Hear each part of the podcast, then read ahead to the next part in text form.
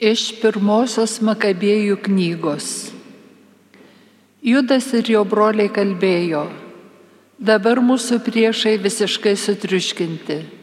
Mes vyksime į Jeruzalę, apvalysime šventyklą ir vėl ją pašventinsime.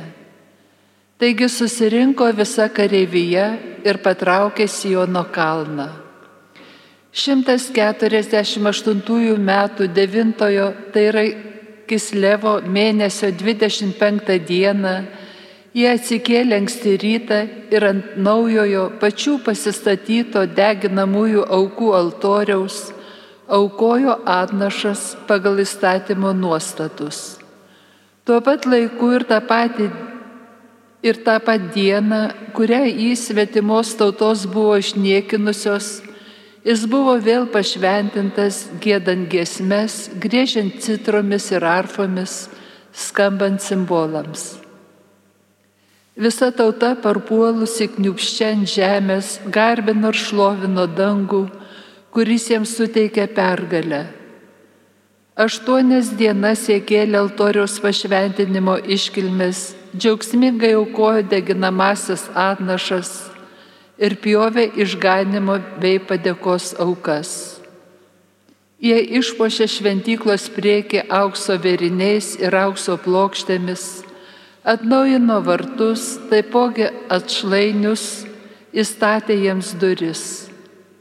Tautoje viešpatavo didelis džiaugsmas, nes buvo pašalintas svetimųjų tautų jiems darytojų gėda Judas su savo broliais ir visa Izraelio bendryje priemė nutarimą altoriaus pašventinimo diena švesti metai iš metų tuo pačiu laiku, šventiškai džiūgaujant ir būtent aštuonias dienas, pradedant Kislevo mėnesio 25-ąją.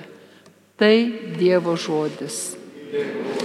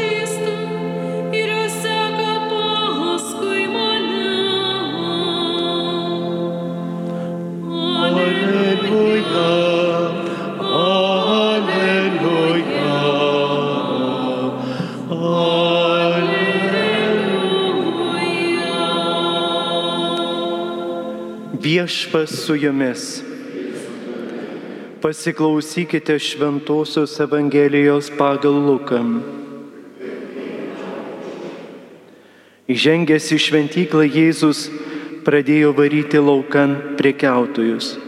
Jis sakė jiems, parašyta, mano namai turi būti maldaus namai, o jūs pavertėt juos plėšikų lentynę. Ir jis kasdien mokė šventykloje. Aukštieji kunigai rašto aiškintojai bei tautos seniūnai svarstė, kaip jį pražudyti, tačiau neišmanė, ko griebtis, nes visi žmonės tik ir klausėsi jo mokslo. Girdėjote viešpatie žodį. Evangelijos žodžiai ten naikina mūsų klaidas. Prašome atsisėsti. Mėly brangus broliai seserys, klausydami šiandien Dievo žodį, Dievas mus nori pamokyti, mums ateina į pagalbą, kad visada gyventume toje tiesoje. Kodėl stebisi, kas vyksta toje šventykloje, kaip matome, Luko evangelistas mums perteikia. Parodo, kad ne visada žmogus gyvena tiesoje. Ne visada jis gyvena tą evangelinę šviesą, bet pasiduoda tuštybėms. Todėl tas šventyklos namų apiplėšimas savotiškai, kaip ir sako, jūs pavertėt plėšiko lindynį, tai parodo, kad kiekvieną kartą žmogus, kai nusisuka nuo, nuo Dievo, jis pasiduoda nuodėmiai. O nuodėmės kaina yra didelė. Uždaro savo širdį ir praranda ramybę. Todėl Jėzus tuo pačiu jis neatstumia, nepasmerkia žmogų, bet duoda galimybę pasikeisti. Evangelija iš tikrųjų tą ir stiprina ir drąsina Jėzus mus, kad nebijotume pakeisti savo širdį. Štai prisimenu, man labai asmeniškai palėtė palaimintasis berniukas Karolis Sakutis. Jisai 2016 metais mirė, o visai neseniai 2022 metais popiežius Pranciškus jį paskelbė palaimintuoju. Ir jis labai greitai mirė, per keturias dienas žaibiškai leukemijai jį pasiglemžė. Bet jis, šitas berniukas, liudyja meilę Euharistijai. Jau septynių metų priėmė pirmą komuniją, paskui sukūrė internetinį portalą apie stebuklus Euharistijos visose pasaulio vietose, kurie yra įvykę. Ir man patiko jo mintis.